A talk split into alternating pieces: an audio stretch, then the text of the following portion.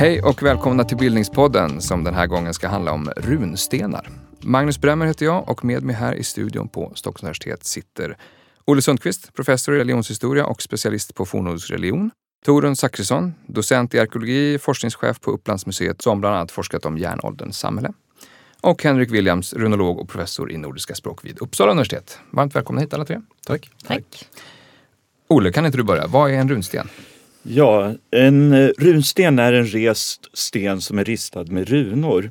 Men eh, runor har också ristats på jordfasta stenblock, eh, runblock kallas de, eller på fast berghäll och då kallas det för runhällar.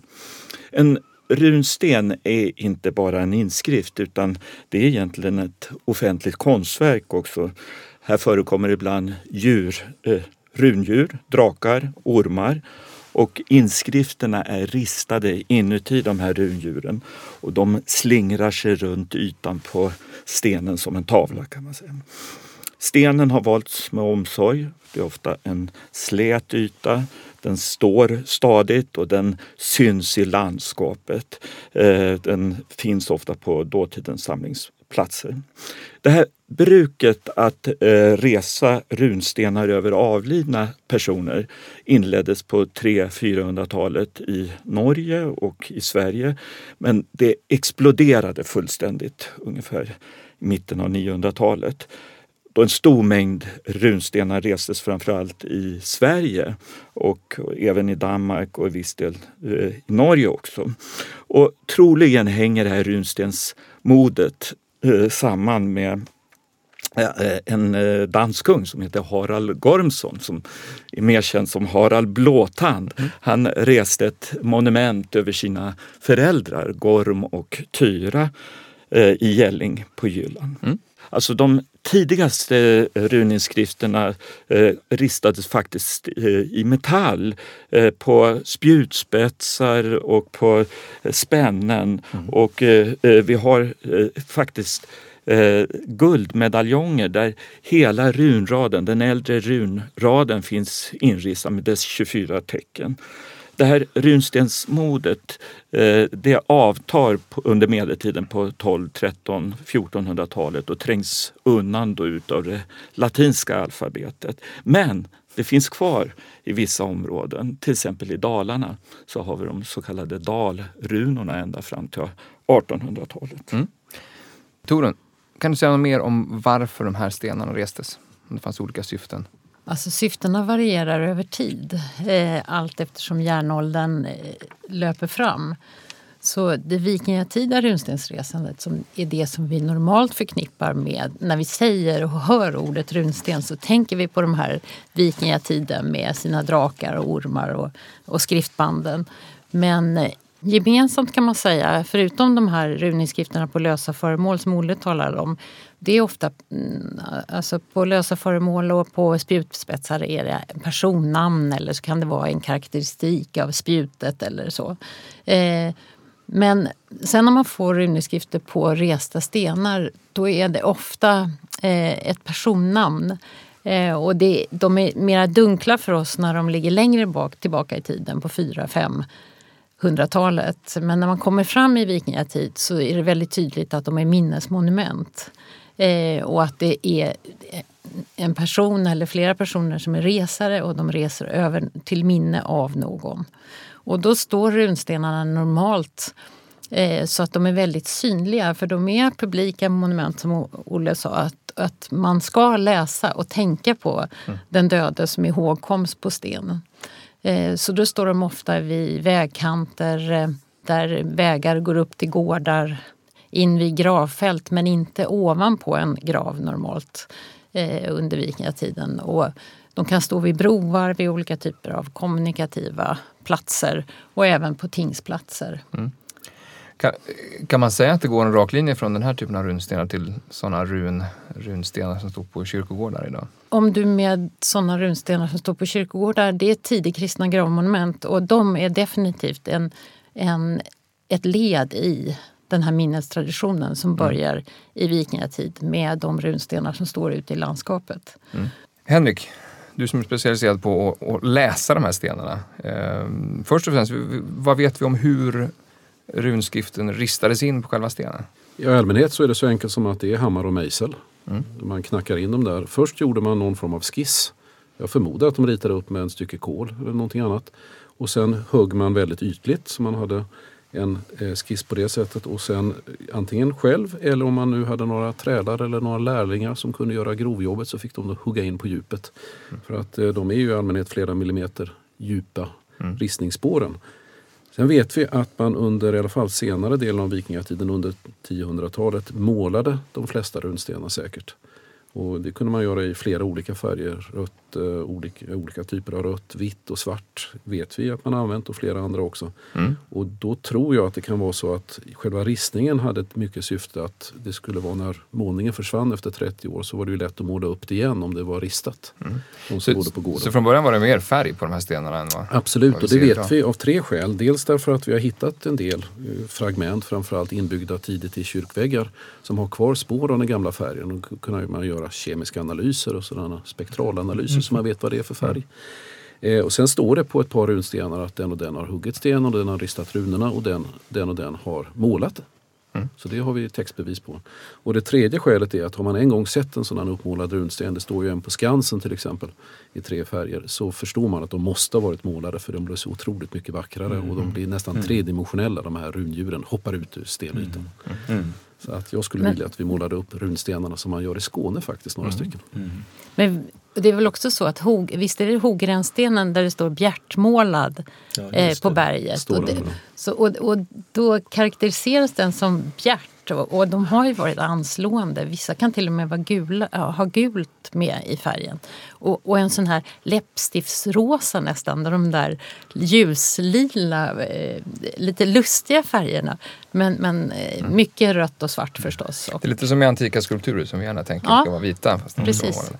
Ehm, som Olle och Tora var inne på så var det här stenar som var, ofta var synliga. Men, men vilka kunde läsa den här skriften? Ja, det blir ju en gissning. Men om man nu reser, då ska vi säga att vi har alltså 2 500 runstenar i Sverige som vi känner till. Och de står då som Torun säger väldigt offentligt. Och då har man ju dragit slutledningen att vad är det för det att resa ett eh, runristat monument om folk inte kunde läsa? Sen finns det en liten, kanske någon procent bara av allihopa som innehåller vad vi nu kallar för icke-lexikala runeskrifter, det vill säga runeskrifter utan ord som vi känner igen om man inte har så tjusig term. Nonsensinskrifter kallas de förr i tiden. Och de hittar man nästan allihopa i perifera områden där man då kan tänka sig att runkulturen, man var inte så läskunnig där ute. Utan där räckte det med en sten som såg ut som en riktig runsten men eftersom ingen annan kunde läsa så spelade det ingen roll att den inte var riktig. Så chansade man lite grann. Ja, och det säger ju någonting om att man i de centralare delarna av landskapet var läskunnig. Och, Men detta är bara en gissning. Jag tror att de flesta män och kvinnor kunde läsa en runsten och inte annat därför att det var ju så lätt. Man visste, alla runstenar börjar med samma runstensformel. Den och den reste stenen över den och den sin och så ofta släkting. Sen kunde man ha tre stycken tillägg. Man kunde ha en liten nekrolog, berätta något om dödsomständigheterna. Han dog i England. Man kunde ha en bön, eh, Gud hjälpe hennes själ. Och man kunde ha en ristasignatur, Öpir ristade runorna. Men Eh. det är också viktigt att, komma ihåg att här, nu pratar vi om det vikingatida ristandet. senvikingatida, ja. Det senvikingatida. Nu är vi inne på sent 900-tal, 1000-talet, tidigt 1100-tal.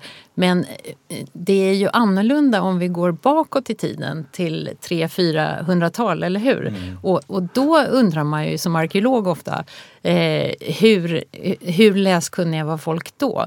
Eh, och då kommer vi in på andra grupper av människor och då var det väl mycket mera eh, alltså förbehållet vissa grupper i samhället. eh, Jag är Eller? övertygad om det att kristnandet är den stora brytpunkten. Och går vi tillbaka till de allra första inskrifterna från 100 och 200-talet som framförallt har hittat i Danmark, då, södra Danmark och i mossar har man grävt upp och sådär. Då är det då dräktspännen och det kan vara spjutspetsar som du redan har nämnt Olle.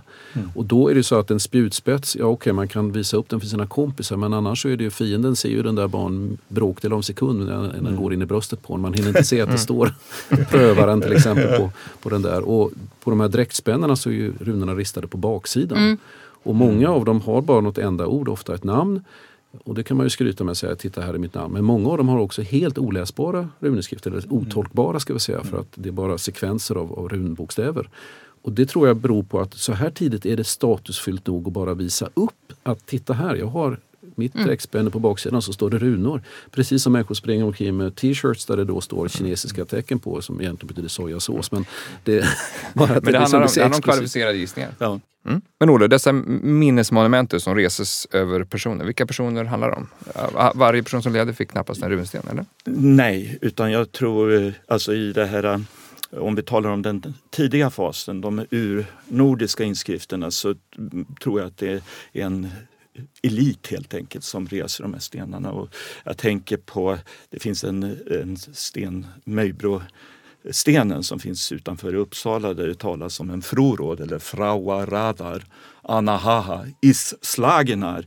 Och, kan du eh, översätta? Frorod och det här anahaha är omdiskuterat, jag lämnar det till Henriksen, men är slagen, han har dött. Och det här monumentet har en bild också på en ryttare som har eh, två hundar som följeslagare. Har ett, han har ett spjut i handen, han har en, en sköld och eh, det här är uppenbart en eh, noblesse, alltså en man från det översta samhällsskiktet.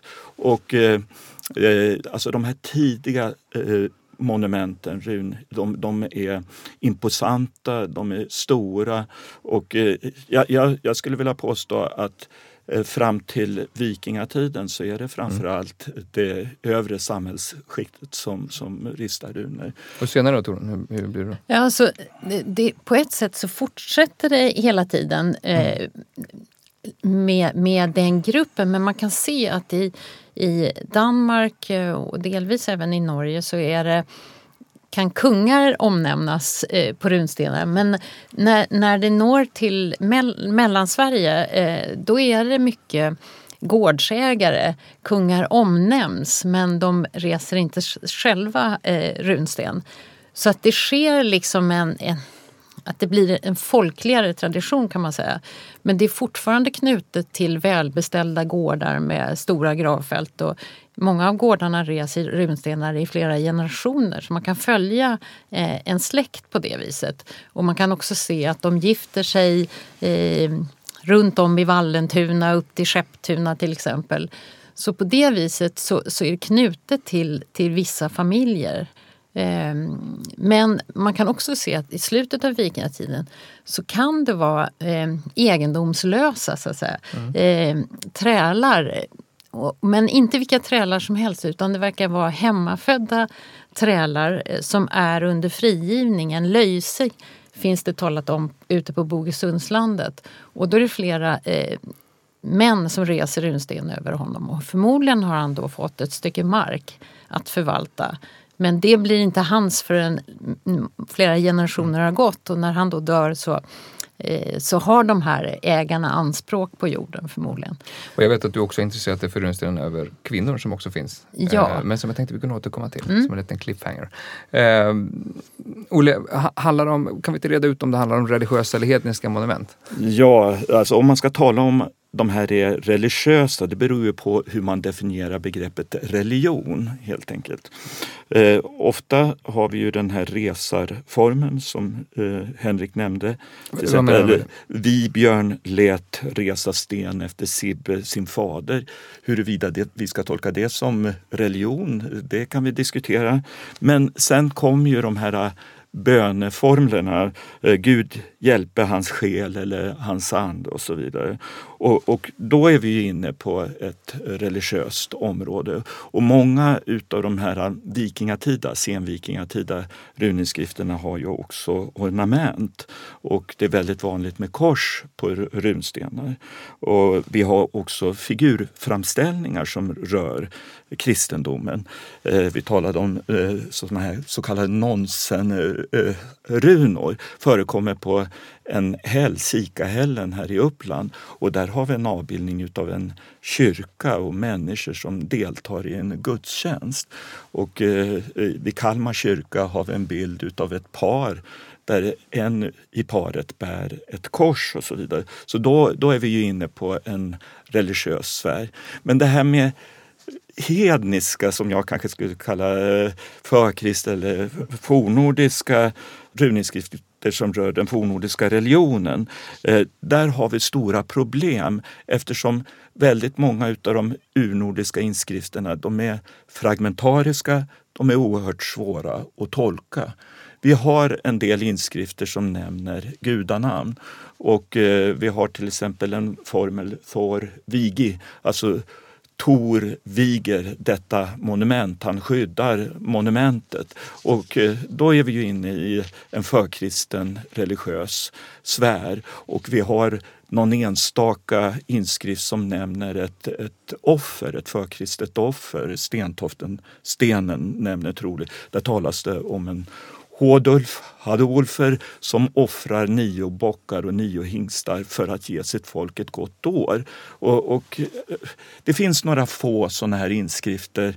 Eh, vi har Eh, vissa hotelseformler, alltså där, där man eh, hotar den som fördärvar monumentet, den som skadar monumentet kommer drabbas utav fruktansvärda saker.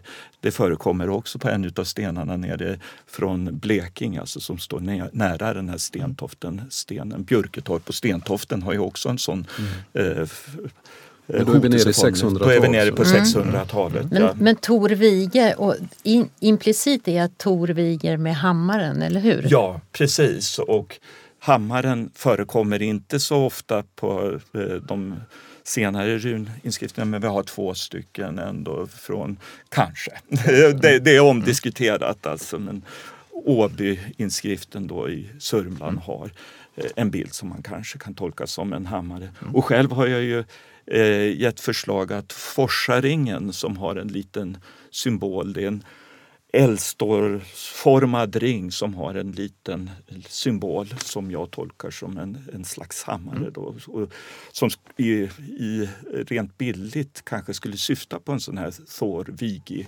må Tor skydda eh, detta föremål. Men det stämmer för den är från 800-talet. Ja. Så det är så tidigt. Och så. den är ju fantastisk. Ja. Nordens äldsta lagbud ja. har man ju kallat den för. Ja. Den, är, den är ju otrolig och runristad i metall. Den är ju helt unik.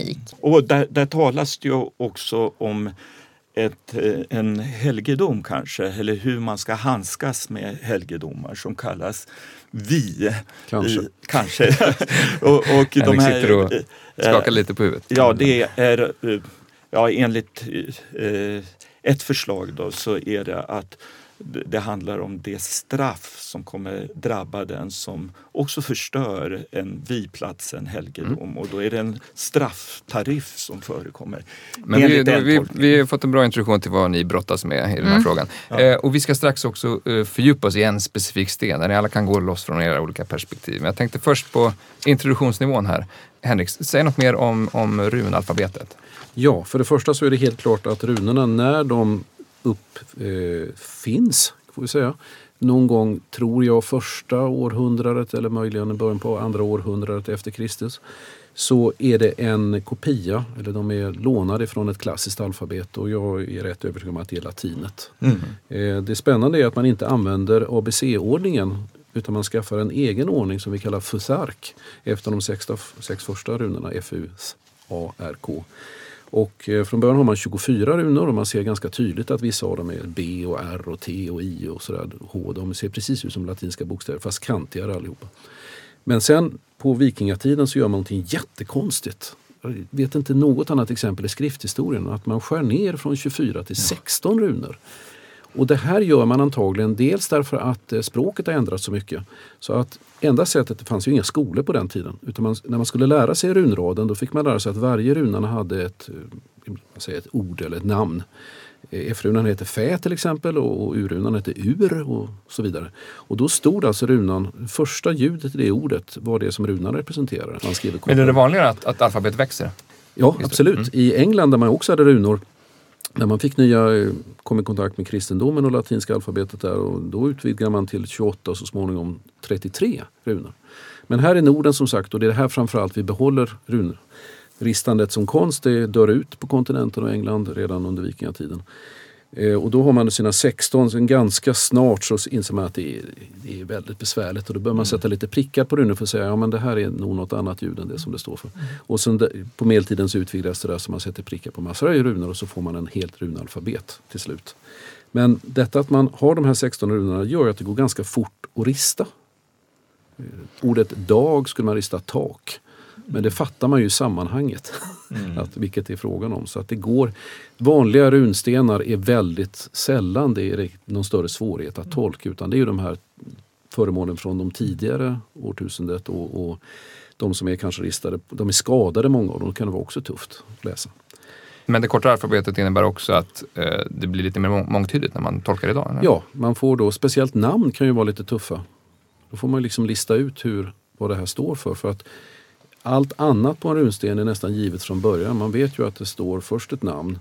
Ja, då får man tolka det. Sen står lät resa och det spelar nästan ingen roll hur det stavas för att det fattar man ju att det är de orden. Mm. Står det någonting som ST eller något SN eller något sånt så är det ju sten. Annars kummel då är det K någonting. Så att eh, jag har själv skrivit om det här att det är kommunikativ vikt. Alltså det är viktigt att de ord som man inte kan förutsäga, de måste stavas ordentligt. Då måste man ha med så mycket information så man kan utesluta Olle från Torun. Det går liksom inte mm.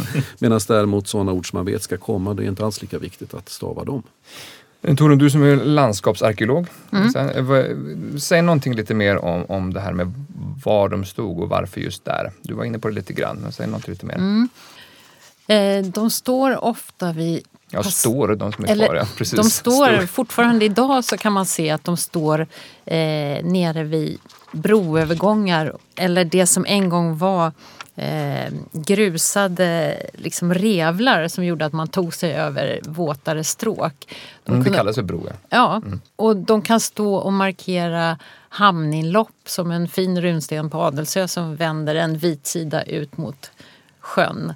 Eh, men när man kommer in i gårdarnas liksom, egna landskap då står de gärna vid eh, det som är 1600-talets gränser mot en grannby. Så att de står gärna så att de, de vänder sig ut mot där du som besökare liksom träder in i, i gårdens domäner. Och ibland kan det stå dubbla runstenar så att du traskar in som genom en port i gårdens landskap. Men sen kan man också se att i, i vissa fall så har egendomen den här gården varit omtvistad, äganderätten till den. Och det kan vara specificerat ganska, ganska utförligt i runinskriften. Och do, de typerna av inskrifter är huggna i fasta hällar. Som för att de ska stå för evärdlig tid och verkligen eh, redovisa hur arvsgången till den här gården är. Mm. Den, den, sten som vi nu ska titta lite närmare på är, en av Sveriges mest eh, välkända runstenar, Rökstenen. Beskriv hur den står. Den står utanför Röks kyrka i Östergötland. Åker man E4 eh, så när man är nere på Östgötaslätten väster om Stångån Någonstans så, mellan Mjölby och Ödeshög? Me ja, mellan Ödeshög och Mjölby. Då kan man åka den gamla vägen och då kommer man till Röks kyrka. Och där står en otroligt imposant runsten. Man, den, man, blir helt golvad när man ser den därför att den är så full av tecken och den är så högrest. Och det är nu, en av de större? Det är en av de riktigt stora, imposanta och sen avtecknar sig eh, eh, Omberg i fjärran och så ser man de här böljande åkrarna runt omkring och det lite småkulliga landskapet från Hålaveden närmar sig liksom fram mot, mot stenen.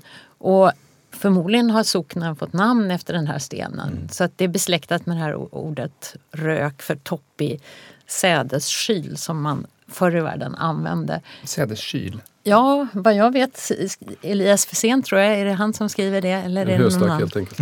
Vi ska säga, vi ja. har ju eh, gotländskans rauk ja. också. Och det är samma ord, de här stenpelarna som står vid stränderna på Gotland. Mm. Mm.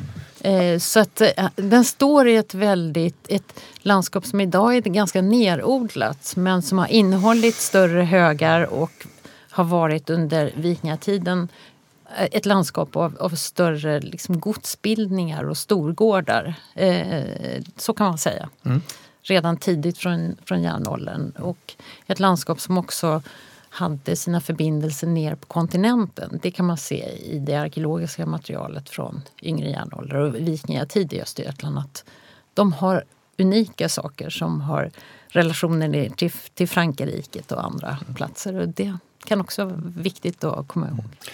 Olle Henrik, ni har varit inblandade i ett forskningsprojekt eh, som nyligen offentliggjordes här och blev uppmärksammat över hela världen om just rökstenen eh, som ni har omtolkat. Eh, vill ni lägga till någonting om själva, själva stenen? Sådär, det första intrycket. Det, det, är väl en utav eh, alltså, den runsten som har den längsta inskriften. Alltså, vi har här över 700 läsbara runor. Och, alltså att läsa runorna har inte varit några större problem. Det en, någon enstaka rad eh, som är förstörd. Och det som är intressant det är ju att den är täckt utav runor, precis som Torun sa. Det finns en framsida, det finns en baksida, men även kanterna är täckta utav mm, runor. Och så även toppen. Mm. Och eh, den här stenen är över två och en halv meter hög. Ovan mark nu. ja. Mm. Va, vad säger det då? Bara, ja, bara, bara ja, det faktumet? Ja, men det är världens mäktigaste runsten. Bara dess fysiska mm, ja. uppträde och stenmaterialet som har valts oerhört noggrant ifrån ett stenbrott ett par kilometer därifrån. Dess placering, den står alltså i detta fantastiska landskap som Torun har berättat om men också invid den här Eriksgatan. Mm. Alltså den väg där Sveakungen red mm. i forntiden för att bli bekräftad i sitt val mm. i de olika landskapen det här vet ju Olle mer om, men alltså den, kungen hade väl framförallt en sakral funktion. Ja. Det var inte så att han regerade i Västergötland, Östergötland och Småland och allt möjligt. Mm. Men han var tvungen, det var en slags enande religiös figur som skulle bekräftas då genom att rida runt och så skulle de olika landstingen mm. besluta att ja, vi accepterar den här ja. kungen. Och det här går precis förbi så att den mm. står verkligen otroligt centralt mm. och ingen kan missa den. Nej. Och Man ser ju bara på stenmaterialet att den har hållits, förutom den här raden som är delvis skadad, mm. så är den i princip nyristad efter 1200 år. Mm. Alltså det är mm. ofattbart. En stor, mäktig och viktig sten mm. på massa ja. olika sätt uppenbarligen. Man kan inte dö utan att sätta ut rökstenen. nu, nu har ju ni gjort en, en radikal omtolkning mm. av, av budskapet på stenen. Eh, eh, kanske först säga någonting om vad man har tänkt tidigare att den har sagt? Ja, eh, det finns, man kan inte gå hur långt tillbaka i tiden som helst för att den har varit känd eh, i princip sedan 1860-talet eh, när man tog ut den ur en vägg och såg att den var ristad på alla olika håll och det kom en del tolkningar. Men ur en vägg? Vilken vägg satt den? Ja, alltså den satt, det var en medeltida stenbyggnad på antagligen tiondelad eller någonting sånt på kyrkogården i Röks kyrka. Och där hade man murat in den, tror man, kanske på 1100-talet. Helt mm. fantastiskt. Man har fällt in detta fem ton tunga block helt oskatt i väggen. Mm. Och det var nog inte för man tog ut den på 1800-talet när man spettade ut den som man skadade den där raden, vilket var väldigt tråkigt. Mm. Ehm, den är dessutom väldigt viktig så ja, det är lite synd. Vi återkommer till den raden. Ja, men ehm, den etablerade tolkning som man kan läsa i alla uppslagsböcker och sånt, det lanserades av Elias Wirsén 1958.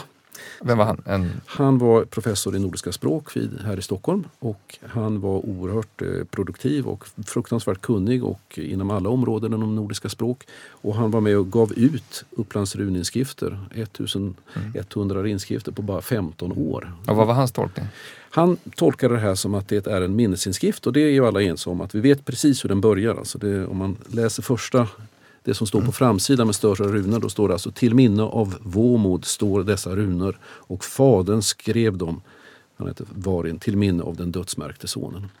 Kan du inte läsa samma sak fast som man tänker att det lät? Jo, så här bör det ha låtit.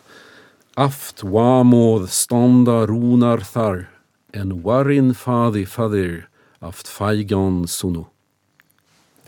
Eh, säg något kort i innebörden där bara. Jo, eh, detta är själva, det här som alla andra runstenar är en minnesinskrift. Det är helt klart och tydligt. Och den första raden här har alla tolkat på samma sätt, så det är inga problem. Men sen kommer då en mängd olika, till synes lösryckta textsnuttar som verkar vara någon slags legender eller bitar av sagor eller någonting annat. Och de räknas också upp. Man pratar om de andra och sen hoppar man plötsligt för det tolfte och trettonde. Det är jättekonstigt. Och Elias Wesséns förklaring på det här det är att Varien, pappan, han har rest stenen efter sin döde son, det kanske är hans enda son. Eh, pappan Varin kan ha varit en tul möjligen, alltså en person som hade funktionen att bevara kunskaper i samhället, en historiker helt enkelt. Mm. Och nu hade han ju inte någon att överlämna av denna kunskap till så då ristade han ner små snuttar och sådär på runstenen. Dels för att då kanske föra detta vidare i någon mån, fast det blir väldigt kort. Men framförallt för att imponera och göra ett mm. häftigt monument. Och det här är en tolkning som är fullt möjlig men vi tyckte väl att den låter det är väldigt mycket, mycket skrik för lite ord. Mm. Alltså varför man skulle göra det är att vi skulle hellre vilja ha en sammanhållen förklaring som, som bekräftar precis varför de här historierna har valts fram. Mm. Och en av de genomgående teman som kommer i början det är idén att Teoderik den store som var alltså gotisk eh, regent i, eller kung ska vi säga, i norra Italien, i Ravenna hade han sin huvudstad. Jag har själv sett hans mm. badkarsliknande kista, där han har legat en gång i tiden. Och um, det, man har då tolkat som att det ska finnas en, en dikt på runstenen som handlar om hur den här Teoderik red på sin häst och sådär, regerade över gåtorna. Och varför skulle man nämna honom på en svensk runsten? Ja, då var tanken det att ungefär vid den tid vi tror att rökstenen har rests så flyttade man en ryttarstaty från Ravenna till Aachen som ligger nu i, i öst, västra Tyskland. Tyskland ja. ja. Och, eh, det var ju liksom, och vikingarna de höll på och i alla fall under 800-talet vet vi att de var i Aachen. Och då tänker man sig, ja men de fick syn på den här ryttarstatyn och blev så jädrans imponerade. Mm. Så att de, eh, och, och, den här Teorik var en sån stor hjälte så att det är klart att man på något sätt skulle nämna honom. Och en del menar då att ja, men kanske de här Varin och Våmod att de var släkt med Teodorik eller tänkte sig vara släkt med honom. Men allt det där är ju en ren spekulation och det är faktiskt så att Teodorik har väldigt svag närvaro, om ens någon alls, i den fornnordiska mytologin. Mm. Det vi känner från den här tiden. Men så arkeologiskt så har han bäring, hans Ravenna-miljö och, och den typ av eh, materiell kultur som finns där har stor bäring på folkvandringstid i Sverige. Så, så, på så vis finns det kopplingar, mm. men till en äldre tid. Mm. Så, så vad säger er, er tolkning? Då det här Theodorik, alltså det har hängt med sedan slutet av 1800-talet. Man har velat haft honom med. Men då var det så för ungefär 15 år sedan så gav eh, Bo Ralf, som är professor i nordiska språk nere i Göteborg, han eh, gav ut en ny tolkning utav inledningen utav rökinskriften och han eh, lyckades få bort Theodorik. Mm. Eh, och eh, istället fann han en tematik som handlade om solens och månens kamp om ljuset. Alltså en solär tematik som Eh, per Holmberg, som också är professor i Göteborg, eh, förde vidare i en artikel.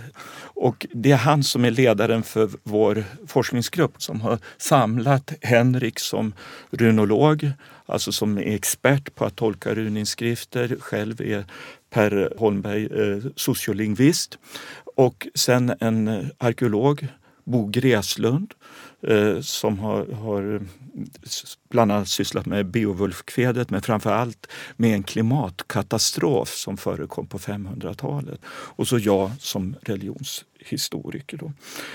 Och han ville pröva det här med den här solära tematiken, om det fanns någonting i den tolkningen. Det, det vi sökte det var att få koherens.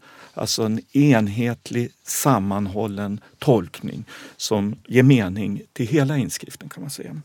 Och då, då utgick vi från att Varens syfte det var att sätta sonens död i en meningsfull kontext. Och den här kontexten den omfattar olika eskatologiska händelser, alltså föreställningar om vad som ska ske vid den yttersta tiden och efter döden. Och det handlar, Någon slags domedagsprofetia? Ja, alltså. och det handlar om förväntningar som fanns kring en kosmisk strid. Alltså då gudarna ställs mot kaosmakterna, det som sker vid Ragnarök. Och här får Varin son Vemod får en naturlig roll här. Han ska delta på gudarnas sida och ljusets sida i kampen mot mörkrets makter. Och den här kosmiska striden den tycks vara förbunden med minnet av en klimatkatastrof som skedde på 500-talet. Och orsaken till den här katastrofen det var några vulkanutbrott i Amerika som ledde till att solen skymdes över hela den nordliga hemisfären under flera somrar utav ett dammlager. Det här fick katastrofala konsekvenser. Hälften utav befolkningen dog. Och vi menar att den här händelsen kan ha påverkat utformningen utav eh, eskatologin, mytologin. Alltså den här föreställningen om, om kampen, om solen helt enkelt. Mm. Och vi hittade då en väldigt bra parallell i en Edda-dikt som heter Vafthrudnismål som handlar om hur Oden har en kunskapstävling med en jätte där de ställer frågor till varandra. Och de, den här tävlingen den handlar om deras huvuden. Alltså den som förlorar kommer att dö. Och eh, eh, Oden ställer frågor och det gör jätten också. Och svaren handlar om den här kosmiska striden. Mm. I en utav gåtorna så handlar det om att solen blir uppslukad utav en varg, Fenrisulven. Men solen hinner föda en dotter innan hon slukas. Eh, även Oden slukas utav samma varg i eh, slutet, alltså vid Ragnarök, men hinner få en son som heter Vidar. Och det är i den här striden som eh, Vemod ska delta då. Och det här var något väldigt ärofullt. Så vi menar att det förekommer gåtor i eh, rökinskriften mm. och svaren på flera av de här gåtorna handlar om just solen eller olika teman som rör Ragnarök. Den, den nyheten som den kablades ut handlade ju om, om just att rökstenen handlar om klimatförändringar och klimatångest rent av. Ja, kanske. alltså att det fanns en oro som eh, alltså människorna oroade sig för att den sista tiden var inne och mm. att, att solen skulle försvinna. Och det sattes samman med de här mytiska eh, föreställningarna. Då. Får jag lägga till där att det finns alltså en ständigt närvarande denna ångest för klimatet därför att det finns i mytologin då, det kan vara för Fimbulvintern, mm. den här fruktansvärda vintern. Det står om den i den poetiska Eddan att på tre somrar så är det ingen sol. Jag menar, vi svenskar tror att vi är vana vid sånt men om vi talar om verkligen ingen sol när ingenting växer så leder ju det till katastrofer. Men sen vill jag påpeka att i all äldre samhälle, jordbrukssamhälle så är ju varje sommar en potentiell klimatkatastrof. För har man inte en god skörd så kommer det alltså leda till eh, stort lidande och antagligen ökade dödstal. Mm. Så att eh, man var antagligen väldigt eh, aktsam på tidens tecken och så fort någonting tydde på att det kommer inte gå bra. Och vid den här tiden, alltså ungefär sekelskiftet 700-800 så händer en del saker. Det är bland annat någon stor, eh, nästan hel solförmörkelse och det var ju verkligen påminna om att nu är vargen på gång att äta upp solen en gång till. Och det är någonting som skapar en blodröd himmel och det talas också om sådana röda himlar i Eddan. Mm. Och sen är det också en eh, något annat astronomiskt fenomen. Så det är möjligt att det där hjälpte till att utlösa den här mm. katastrofkänslan som, vill jag som pappa säga att när ett barn dör, det är den största möjliga katastrofen i sig. Mm. Jag tror psykologiskt sett, även om vi inte kan bevisa det, att det medhjälper. Det här är ju pappans sätt att försöka mm. sätta sonens död i ett meningsfullt sammanhang. Yeah. Okay. Och sonen, och det är jätteviktigt det här ordet, han kallas för feg. Och det är inte vårt ord feg idag som betyder ynklig, utan det är ett ord som betyder dödsmärkt. finns tydligen mm. fortfarande kvar, tror jag, jämtländska dialekter och sådär. Mm. Att eh, man är dödssjuk och sånt. Och det, varför skulle han tala om att sonen är dödsmärkt? För det kan ju inte vara så att han ligger på sin dödsbädd, då hinner man inte rista en röksten. Det kan jag tala om. Mm. Utan det måste betyda att han uppfattar som att sonen redan från början var märkt mm. att dö. Mm. Och varför skulle han vara märkt att dö av gudarna? Jo, och det var här Olle kom med den stora, som jag såg det, pusselbiten som löste hela det här komplexet. Han pekade på en, också en fornnordisk dikt som heter Eriksmål som handlar om en norsk kung som utkämpar ett slag och så dör han under det här slaget mm. fast det går bra för honom. Mm. Och varför dör han då? Jo, därför att Oden måste kalla de allra bästa kämparna till den sista striden mot Fenrisulven. Mm. Och det är samma förklaring varför då den stackars eh, mm. Våmod som jag kallar honom, Vemod som du säger, mm. varför han kallas i förtid. Han blev hemkallad av Han blev hemkallad. Mm. Det är liksom som det står i Frälsningsarméns dödsannonser. Så, som litteraturvetare kan jag också fascineras av det här med den radikala omtolkningen. Det är ju något man drömmer om som litteraturvetare också. Det händer inte så ofta. Alltså, det handlar ju om ett, ett paradigmskifte som det heter när man går ifrån ett sätt att tänka till ett annat sätt att tänka. Det, det, de går alltid till på samma sätt. Att det byggs upp fler och fler eh, motinstanser, motbevis. Och det, man kan säga att det börjar med ett missnöje. Man, menar, vad fasen, det här det stämmer inte. Det gnager. An, anomali. Man ser en anomali Ja. i det äldre Precis. paradigmet. Att det är något som är avvikande, som känns bara fel. Ja. Eller att det skaver. Man går och grunnar på det och, och är lite missnöjd med att det är någonting som är fel men man begriper inte vad. Och, eh, vad, vad säger du om den här tolkningen? Alltså, som arkeolog är det ju en otroligt svår runinsskrift. Så att jag känner att där får man säg någonting om lägga... varför den är så. Nej men den, den, just det här att tecknen är enkla att läsa men sen att tolka. Då måste man vara en, språkvetare känner jag och runolog och lingvist. Så jag tycker att hela det här sammanhanget som stenen nu sätts in i och inskriften är sympatiskt därför att det blir den här typen av eh, gåtgissningar mellan gudar och människor eller mellan eh, gudar och hjältar. Alltså det, det är något som finns i den tidens samhälle och det tycker jag är en sympatiskt sammanhang som det hela hamnar i Eh, och bli mera begripligt. Också det här med sonens, ett äreminne över en, en förlorad son.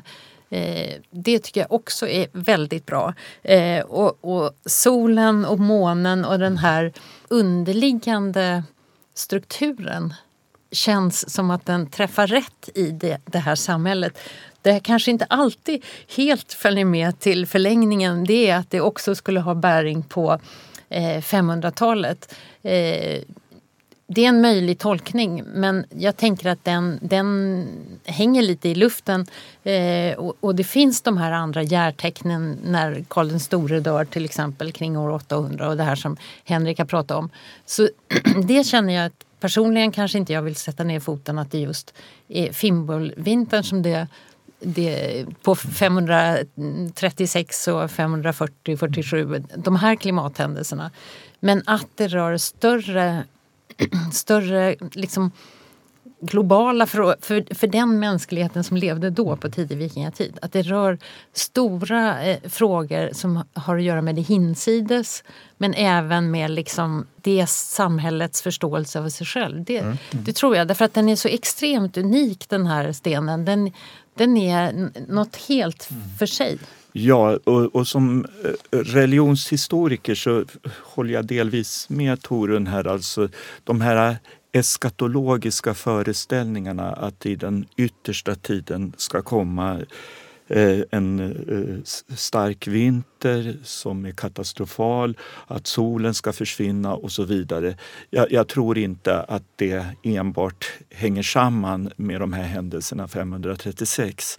Och där har vi Eh, den jämförande religionsforskningen har visat att eh, slående likheter till den här Ragnaröksmyten finns till exempel i den forniranska mytologin. Här har en, en eh, emeritus, en professor i Uppsala, Anders Hultgård, just skrivit en bok som heter Midgård brinner där han visar på att det finns parallella föreställningar eh, till vintern, Fimbulvintern i det gamla Iran till exempel. Och han menar att det här är ett gemensamt indoeuropeiskt arv. Men det som jag tycker ändå, det är Bo Gräslund, då, den här arkeologen som har lyft fram den här teorin att Fimbulvinter hänger samman med 536. Att den här myten kan ha aktualiserats i samband med de här händelserna, de här svåra somrarna. Och myten kan också ha tagit gestalt utav de erfarenheter som människorna hade under den här tiden. Men själva grundmotivet, tror jag, är betydligt äldre. Vad gör runologen då? Är du fram och liksom känner på stenen och, och, och, och när du kommer till platsen? När jag kommer till platsen, jag, första gången jag kom till Röksten och det var många år sedan, då gör jag som man alltid gör. Man läser inte en runsten med ögonen utan man läser med fingertopparna. För att man Mm. känner hur det är ristat. Man, det är en skillnad på en spricka i stenen och en ristad bit i stenen. Mm. Och eh, när jag var färdig läst med de här 760 runorna var det, då var det nästan så att mina fingertoppar blödde. att liksom släpa dem längs den här graniten. Och man måste få en fysisk känsla för det och då ska man säga till att det går visserligen lätt att läsa runorna på den här stenen men där är ju inte svårigheterna utan det handlar om att på den här tiden så gjorde man inte ens uppehåll mellan orden. Mm. Man skrev ihop orden i en enda lång räcka och det betyder att man kan dela upp dem lite var som helst. Och det beror helt och hållet på man kan, andra runstenar kan man på något sätt ta ord för ord. För under, senare under vikingatiden så började man sätta in små ordskillnadstecken mellan orden så man ser var de börjar och slutar. Sen dubbeltecknar man inga bokstäver. Och så finns det vissa andra eh, stavningskonventioner man hade som gör att skulle man skriva en fullt modern mening på sättet som de gör på runstenen med bara 16 bokstäver dessutom, så är den fullkomligt obegriplig för en modern svensk. Och då ska man bara tänka på att det här är 1200 år gammal svenska. N när började man tolka runstenar?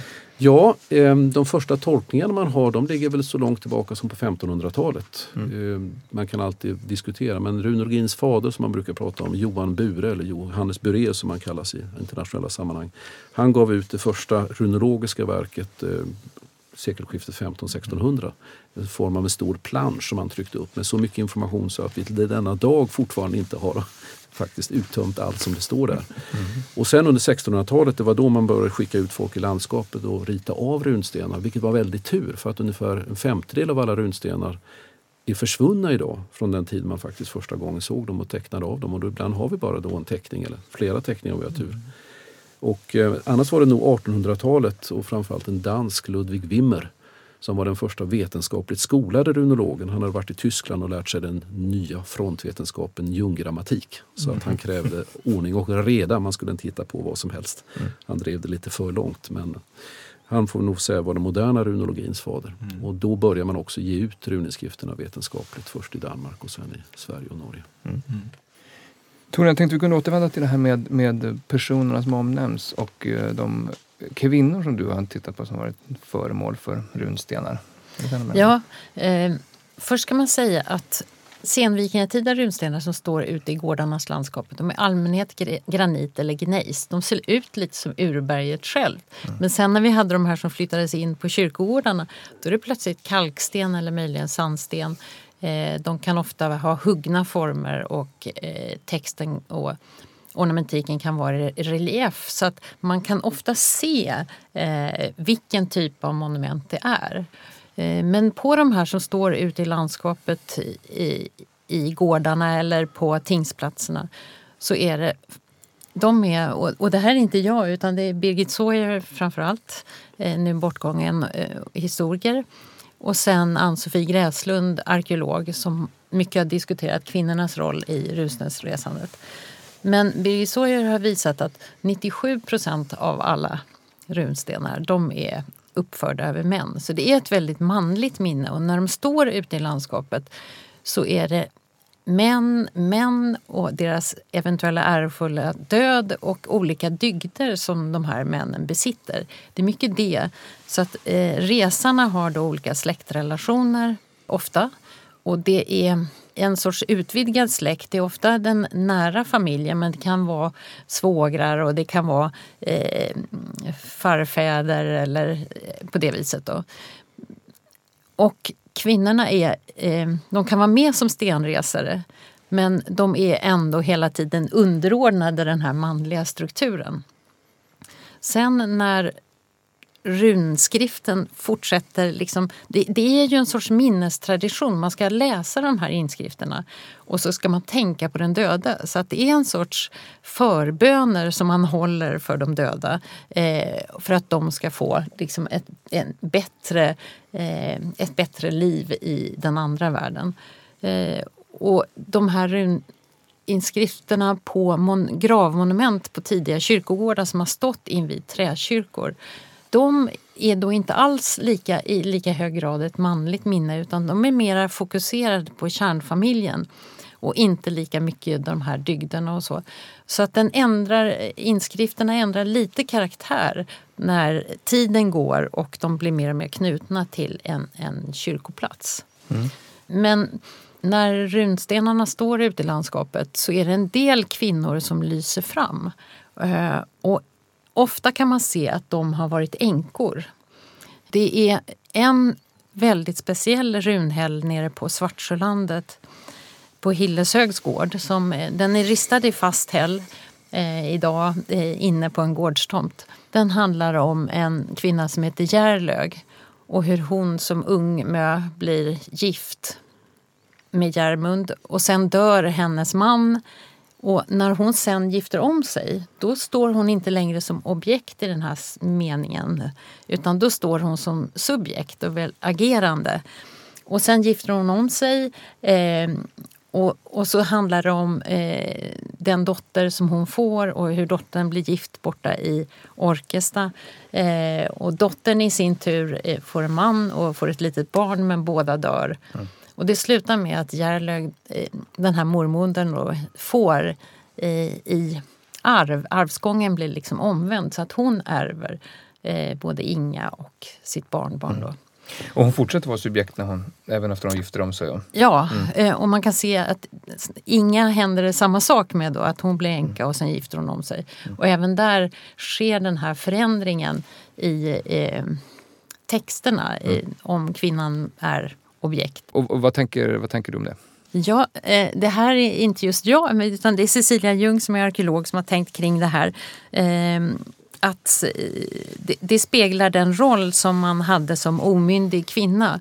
För man var ju omyndig i eh, vikingatidens samhälle. Men eh, väldigt intressant har också en annan arkeolog, Ingrid Gustin, visat hur kraftfull man kunde vara som änka.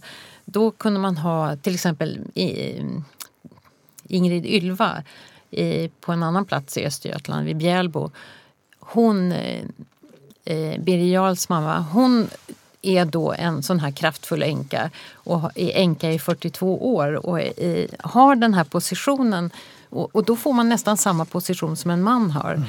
Och det syns i det medeltida Sverige att uh, ungefär 20 procent av jordägarna var kvinnor och, de flesta av dem var änkor. Mm. Och, och, då hade man mycket större manöverutrymme i det vikingatida samhället. Mm. Och det kan man se också att, att de, de eh, har varit tvungna att slå vakt om sin arvsgång om olika gårdar. För hon Inga som var gift uppe i, i Markim då, i de trakterna, eh, dottern till Järlög, hon reser då flera runstenar där det talas om hur gården har ärvts och hur eh, barnet eh, råkade dö. Och, för att slå vakt om sin egendomsrätt till det här när hon själv gifte om sig nere på Mälaröarna.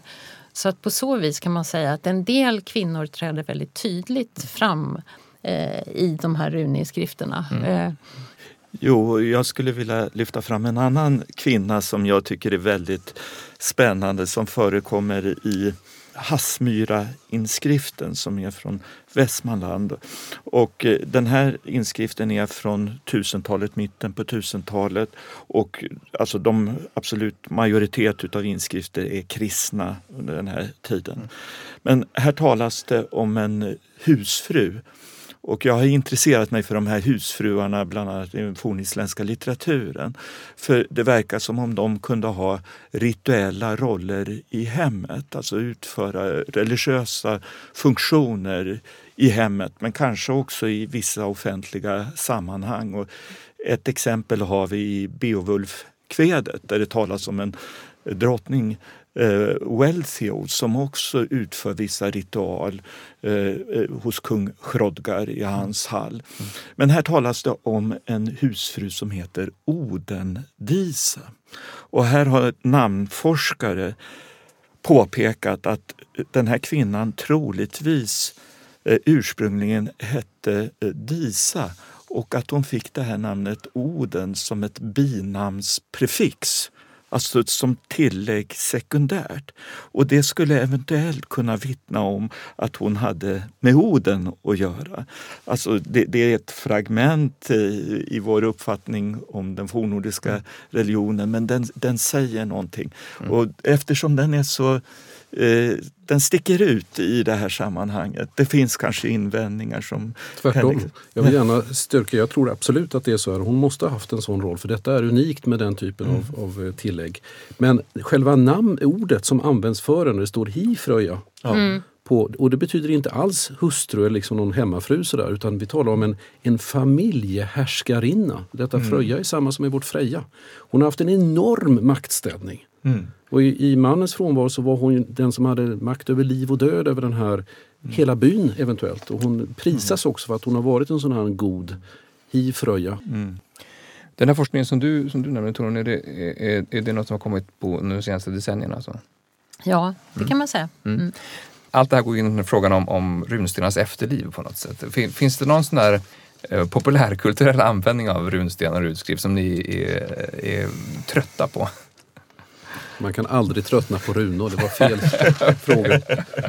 Någon sån här stereotyp Nej, man kan Så fort aldrig... runor- Stereotypen är att, att folk tänker sig att de är hedniska. Att de inte har med kristnandet att göra. Men det är väldigt tydligt. att Liksom, det, det skulle inte ha blossat upp på det här viset om det inte var knutet också till eh, de är kristna minnesmonument, de här runstenarna. Och det får man alltid börja med att eh, liksom lägga till rätta på något sätt. För det tänker folk att de här eh, ormslingorna och, och eh, med gapande käftar och de här, att det är väldigt hedniskt. Men det används i det kristna symbolspråket inne i de tidiga kyrkorna på gyllene altare och på eh, såna här bröstkrucifix som, som präster har och så. så att, det är ett symbolspråk som har, visserligen kommer från den förkristna Skandinavien eh, men det, det används för att brygga över eh, under hela eh,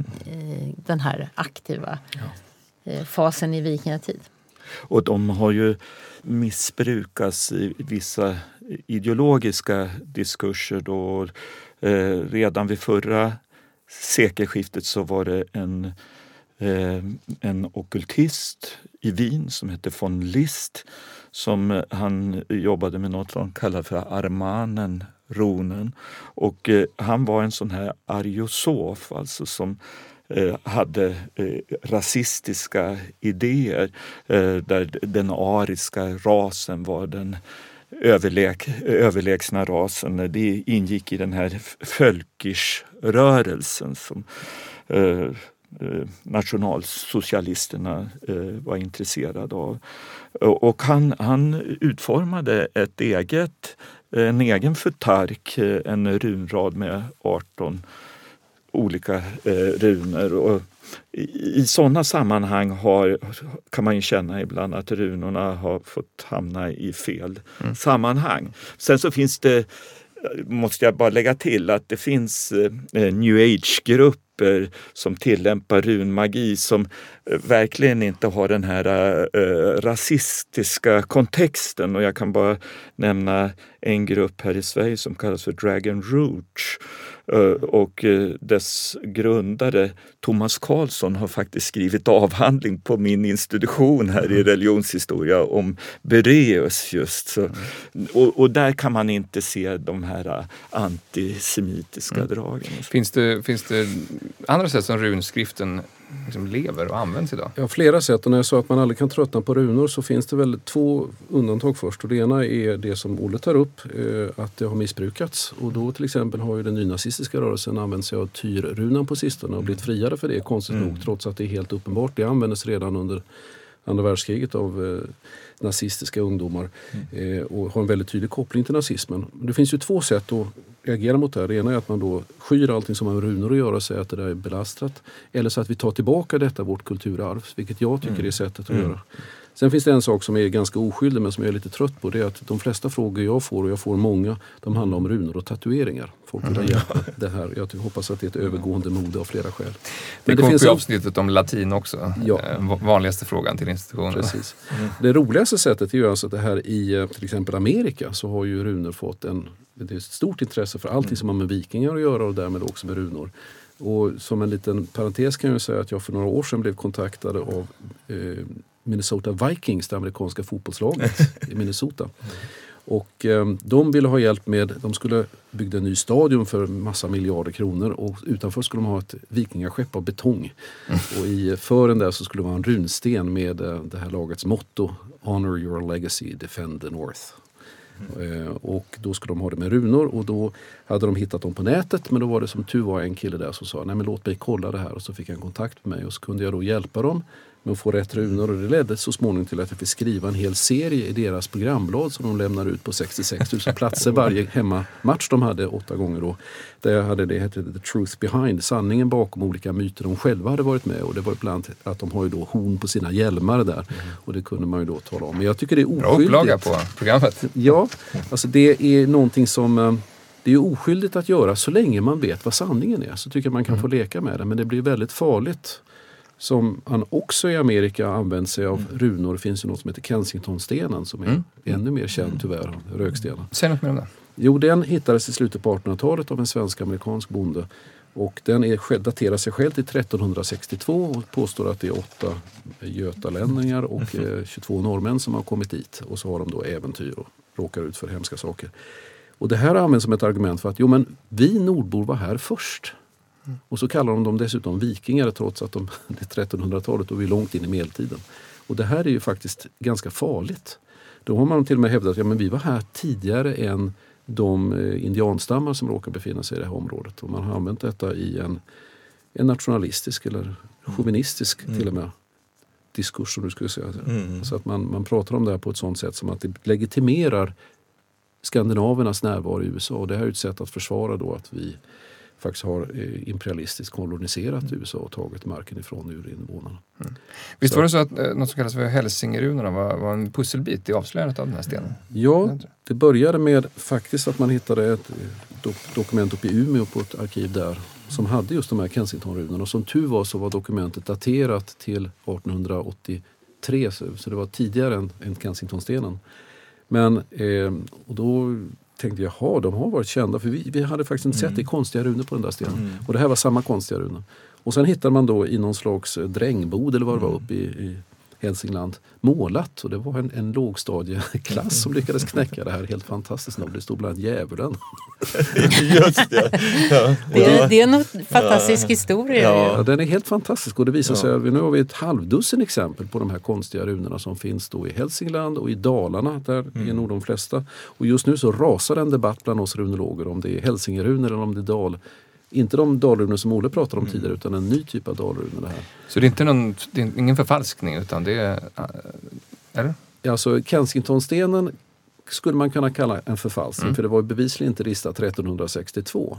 Men jag använder aldrig ordet förfalskning för det kan vara någon som skämtar och det ska man inte kalla för förfalskning. Mm. Men, om, Men själva runorna? Liksom. I slutet på 1800-talet så har man tydligen hittat på en ny runrad och den mm. tror vi kan användas just för lite lönnskrift. Att gesäller och andra mm. använde den då för att kunna kommunicera med varandra. Och man kunde, vi har exempel på att de ristade kär, skrev kärleksbrev med sådana här runor. Och, och sådär. Och det är skälet varför vi forskare inte kände till dem. Ja. Mm.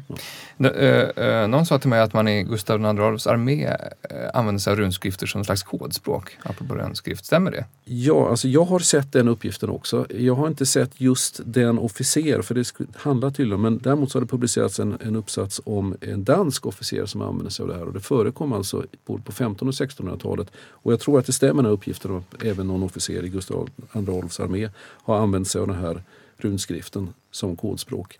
Eh, och det är ju ganska lätt genomskinligt, det är ganska korkat att använda sig av det. Men det knyter an till rökstenen som har, har inte mindre än fem olika skiffersystem. Och de är egentligen inte speciellt svåra att knäcka. Ett av dem handlar helt enkelt om att man förskjutningsskiffer istället för att skriva A så skriver man B. Mm. Säger så, säger BC. Och det kommer man ju på om ett slag. Dessutom så är det en nyckel inarbetat som man ska kunna knäcka det här. Mm om man har besökt Hagia Sofia i Istanbul, den tidigare kyrkan som blev moské och nu, nu museum, så finns det väl en, en, en inristning som känns väldigt barbarisk för en nordbo när man står där och ser detta fantastiska vackra ja, fler, hus. Flera till och med, det är mansnamn och de är ristade av väringarna förmodligen då som var vaktstyrka och de är ristade upp i det galleri där kejsarinnan höll till. I marmorn liksom, har man ristat ja, sitt namn ja, då alltså? Ja. Halvdan och är det Are som är det andra namnet? Halvdan var här och såg ja. detta vackra. Det är också intressant. Alltså, ett annat berömt, fantastiskt unikt monument är ju Pireuslejonet mm. mm. som en gång stod i en viktig eh, hamn, hamnbas i Pireus i Aten och sen flyttades. Men eh, under tiden som det stod i, där i Aten så var det eh, så ristade man runor, inte bara en gång utan flera gånger. Och eh, det är förmodligen både norrmän, de kallar sig för norrmän och svear. Det är intressant när de då är, inte är hemma. Eh, annars så, så, skriver man Svitjod och annat eh, mm. på runstenarna men när man är där nere, verkligen långt borta hemifrån så, så står det Svear, om man får tro Thorgun Snejdal, eh, för det är hon som har gjort tolkningarna senast av Pireuslejonet. Men där talas det också om hur man delar egendomen efter en död eh, man. För att mycket, alltså Judith Gers är den som har starkt betonat att runstenar är minnesmonument och det är det, den övergripande liksom, ramverket hur vi ska förstå dem.